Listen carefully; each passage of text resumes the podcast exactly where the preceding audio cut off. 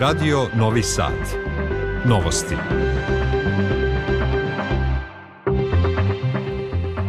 Dobar dan, ja sam Vesna Balta. Moje ime je Jadranka Mitić. Na početku novosti Vesti dana. Brod udario u stub mosta na Dunavu kod Bačke Palanke. Potonula barža, barža sa hiljadu tona đubriva. Novi planovi ulaganja biće predstavljeni 20. januara, najavio predsednik Aleksandar Vučić. U novostima ćemo saznati kako teku pripreme za Božić. Dizel jeftiniji za dinar, cena benzina nepromenjena. Potrošači u Srbiji od danas mogu da se upišu u registar Nezovi. U Vojvodini sutra oblačno, toplo i vetrovito s temperaturom do 16 stepeni. U Novom Sadu sada je 10.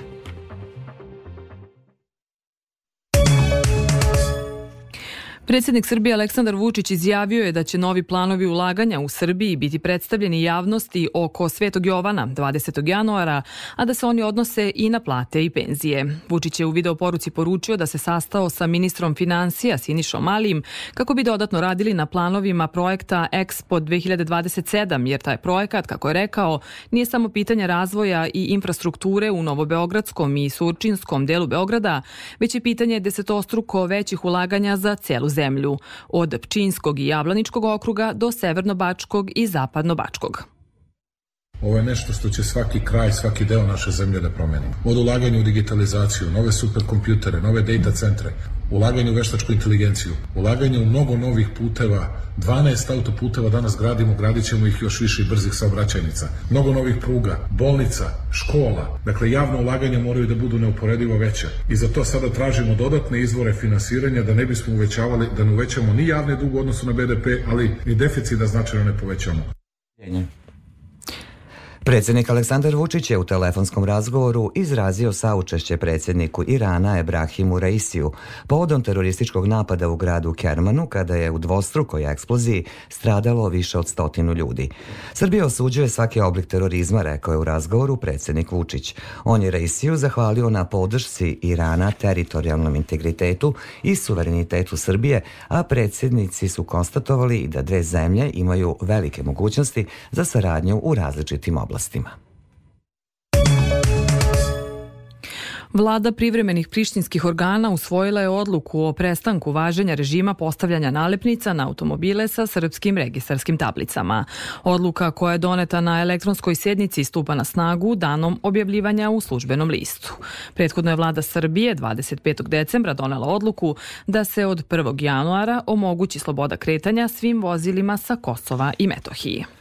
U predlogu zakona o podršci briselskom sporazumu podnetom pre nekoliko dana u Kongresu Sjedinjenih američkih država, američka podrška vlastima u Prištini direktno se uslovljava formiranjem zajednice srpskih opština, izjavio ambasador Srbije u Sjedinjenim američkim državama Marko Đurić. Kako je naveo tim dokumentom, ne samo što se prepoznaju represija, teror i nasilje koji se već mesecima flagrantno sprovode nad Srbima na Kosovu i Metohiji, već se i uskraćuje svaka pomoć američke vlade Kurtijevim institucijama dok takva delovanja ne budu okončana. Srpski narod na Kosovu i Metohiji naročito je zabrinut zbog toga što Priština ubrzava proces uvođenja obaveznog služenja vojnog roka, izjavio je predsjednik Skupštinskog odbora za Kosovo i Metohiju Milovan Drecun. On je za RTS rekao da posebnu zabrinutost za srpski narod na Kosovu izaziva to što je planiran rok za uvođenje obaveznog služenja vojnog roka koji je bio 2028. godina značajno skraćen skraćen i da, da ove godine planiraju pilot projekat sa obeznim služenjem vojnog roka. Još uvek ne znaju da li će to biti ukupno tri meseca ili tri meseca letnjeg služenja, tri meseca zimskog služenja. Znate, to može da stvori veliki problem srpskom narodu i da bude dodatni pritisak na Srbe da se isele ili da služe takozvanu vojsku Kosova koja je glavni činilac ugrožavanja bezbednosti srpskog naroda.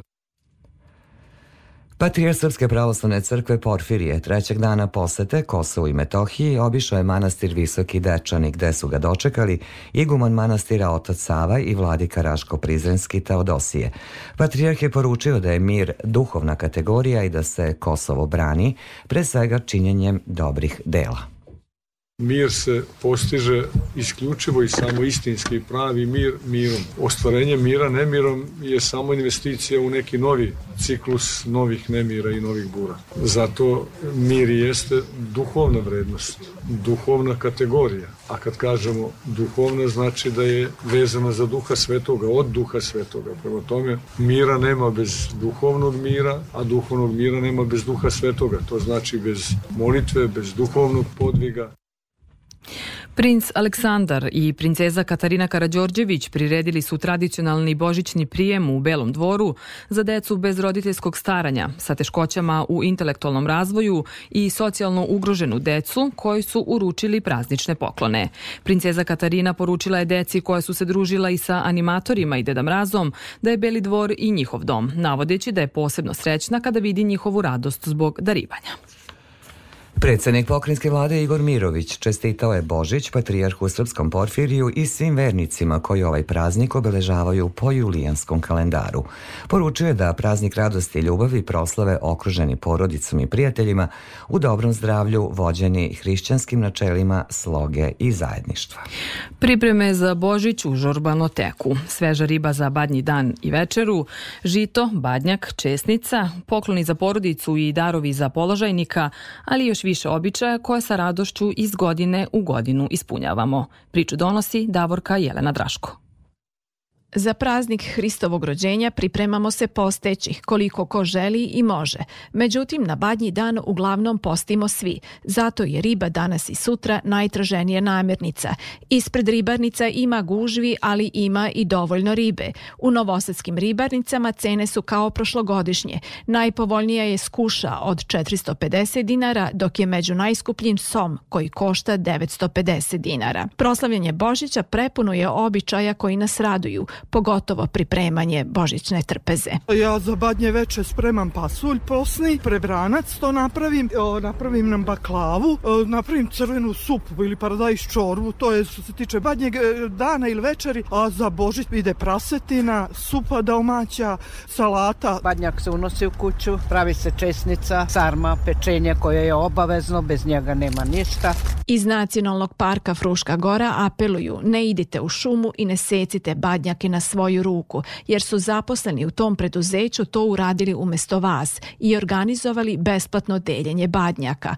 Osim na Trgu Slobode u Novom Sadu, badnjake će sutra deliti i u drugim mestima, kaže Dragan Vidović iz Nacionalnog parka Fruška Gora. Osim Novog Sada, badnjaci će se deliti u Sremskoj Mitrovici, Rumi, Sremskim Karlovcima, Beočinu, Šidu i Inđiji na svim gradskim trgovima i svim tim, da kažemo, centralnim mestima tamo. Sve podele će biti u 9 časova ujutru. S tim što će naši ljudi već po terenu dežurati od neke 3-4 časa ujutru kada ćete moći i na samoj Fruškoj gori da preuzmete vaše besplatne badnjake. Posjećamo i na to da se danas po crkvenom kalendaru obeležava Tucindan, koji je prema rečima sveštenika Miladina Bokorca uvod u praznovanje rođenja Hristovog. Svet a pre vesti sveta, vesti iz regiona.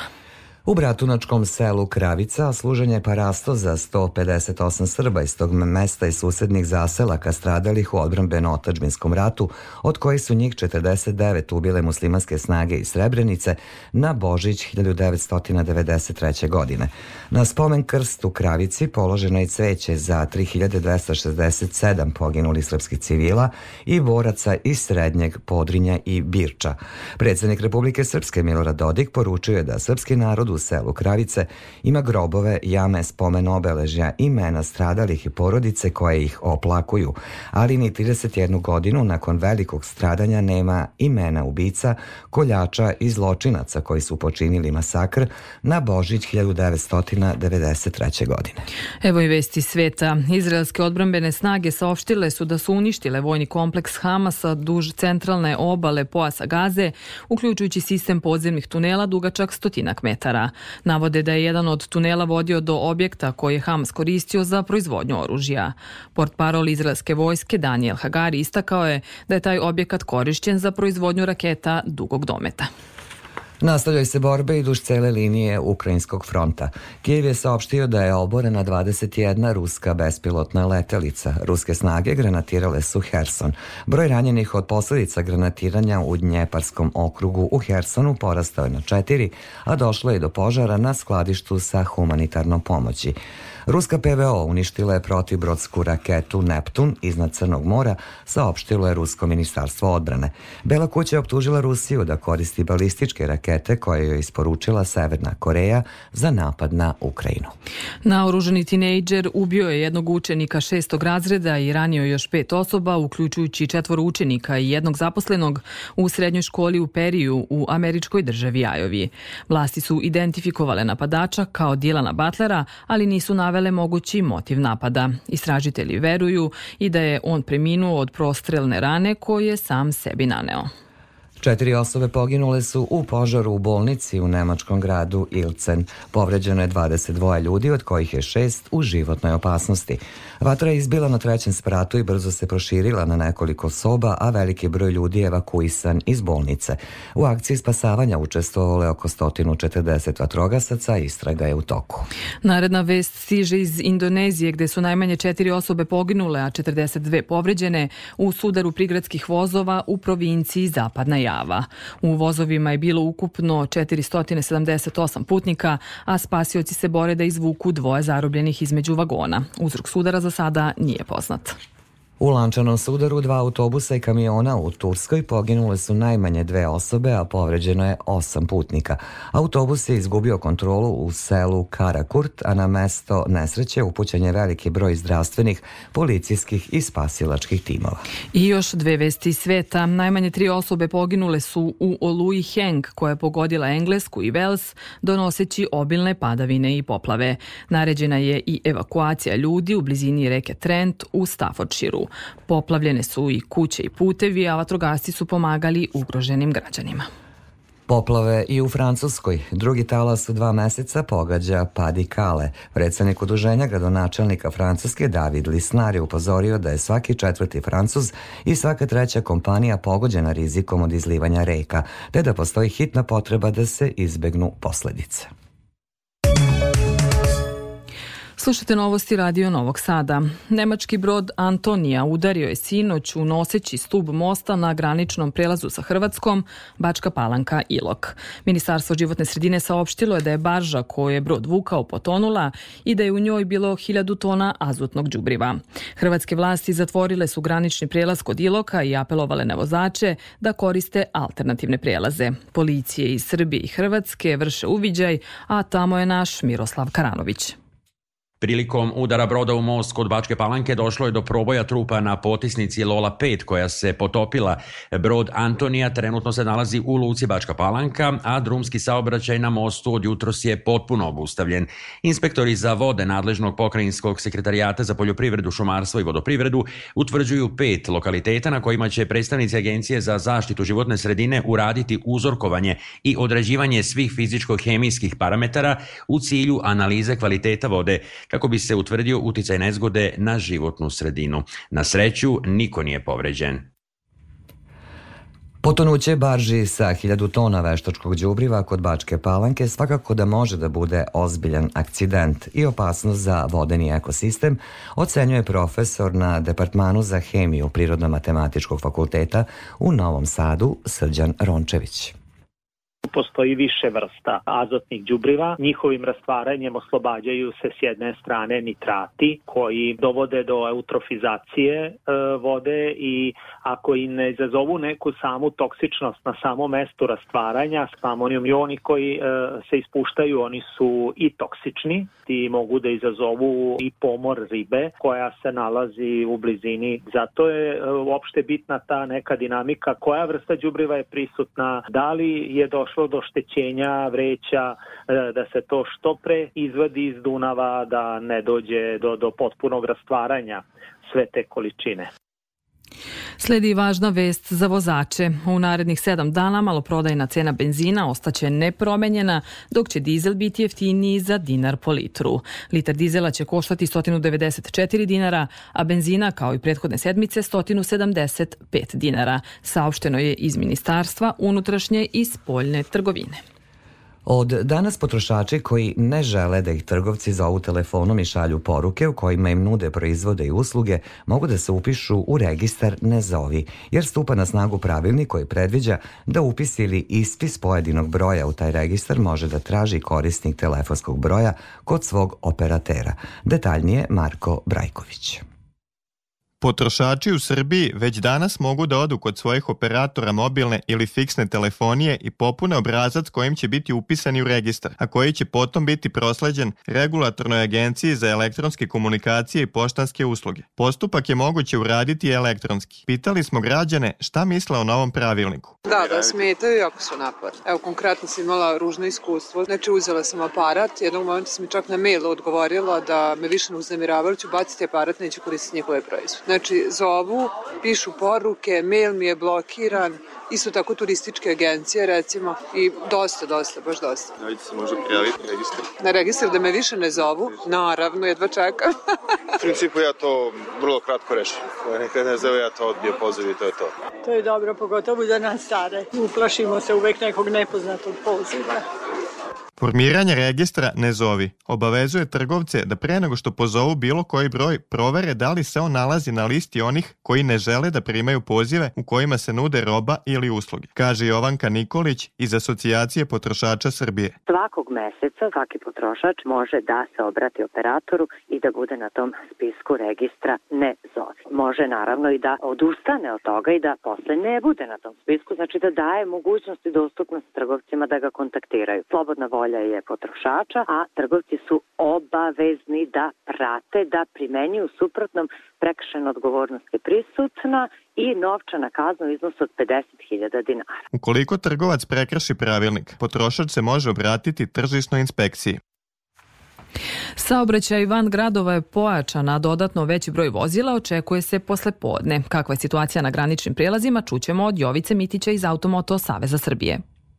Prema podacima dobijenih od uprave granične policije, trenutno zadržavanja na našim najopteređenim graničnim prelazima sa Mađarskom i Hrvatskom su promenljiva i kreću se oko 30 minuta. Međutim, uvek dodajte i vreme koje provodite na terminalima mađarskih i hrvatskih vlasti, a koji uvek duže nego na naše. Sem Horgoša, Horgoša 2, Kelebije i Bačkog brega koji su otvoreni 24 sata, Bajmog će do 14. januara raditi svakog vikenda od 7 do ponoći. Prelaz Rastina će od danas do 7. januara biti otvoren do ponoći, dok će prelaz Bačke vinogradi raditi i ovog vikenda od 7 do 22 časa. Zadržavanja su trenutno promenljiva i na prelazima sa Bosnom i Hercegovinom, Severnom Makedonijom i Crnom Gorom, ali se i na njima prolazi bez dužih zadržavanja. Podsjećamo da je saobraćaj u prekidu na graničnom prelazu Bačka Palanka Ilok zbog radova koji se vrše na ispitivanju bezbednosti mosta preko Dunava. Dobitnik nagrade Lazar Trifunović za 2023. godinu je Nebojša Milenković, istoričar umetnosti, pisac i građanski aktivista. Žiri je odlučio da Milenkoviću dodeli nagradu za tekst s Bogom avangardo o jugoslovenskoj novosadskoj umetničkoj avangardi od 1968 do 1972. godine, koji je objavljen u časopisu za književnost, umetnost i kulturu Gradac. Nagrada Lazar Trifunović dodeljuje se sa ciljem da postiče, razvija i afirmiše nove metodološke i interperativne modele i pristupe u pisanju o modernoj i savremenoj vizualnoj umetnosti u štampanim i elektronskim medijima. Sport. Vaterpoliskinje Srbije slavile su protiv Turske sa 13-6 na otvaranju Evropskog prvenstva u Holandiji. Naša muška selekcija nalazi se u Hrvatskoj, gde od 17 časova protiv Izrela započinje šampionat Evrope. Rukometna reprezentacija Srbije od 17 časova i 45 minuta igra protiv Poljske na turniru u španskom Granoljersu. Naš tim se priprema za evropsko prvenstvo koje počinje 10. januara u Nemačkoj. A u derbiju 16. kola Košarkaške lige Srbije od 19 časova u Subotici igraju Spartak i Vojvodina.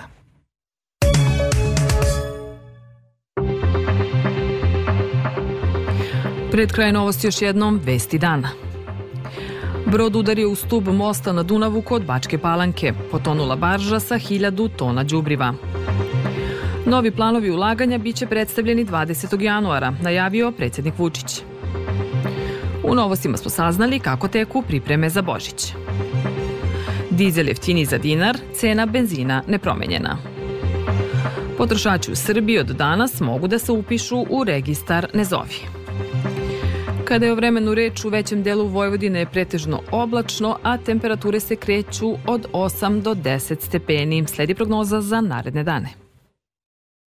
U Vojvodini u subotu umereno do potpuno oblačno, toplo i vetrovito. Na krajnjem severu i zapadu ponedite sa kratkotrenom kišom. Vetar umeren i jak na jugo Banata i Olujni i jugoistočni. Najniža temperatura od 7 do 11, a najviša dnevno od 14 do 16 stepeni. U Vojvodini u nedelju oblačno mestimično sa kišom uz zahlađenje. Uveče uz pad temperature očekuje se prelazak kiše i u sneg. Počeće da duva umeren jak severozapadni vetar. U ponedeljak oblačno hladno i vetrovito. Ponegde sa snegom u stvaranje snežnog pokrivača. Za radio Novi Sad meteorolog Mijodrag Stojanović. Slušali ste novosti prvog programa radija Radio Televizije Vojvodine. Novosti tonski realizovao Božidar Nikolić, producenti bili Branislava Stefanović i Zoran Bečejac. Novosti uredila Vesna Balta, a moje ime je Jadranka Mitić i u ime ekipe želim vam prijetan ostatak dana.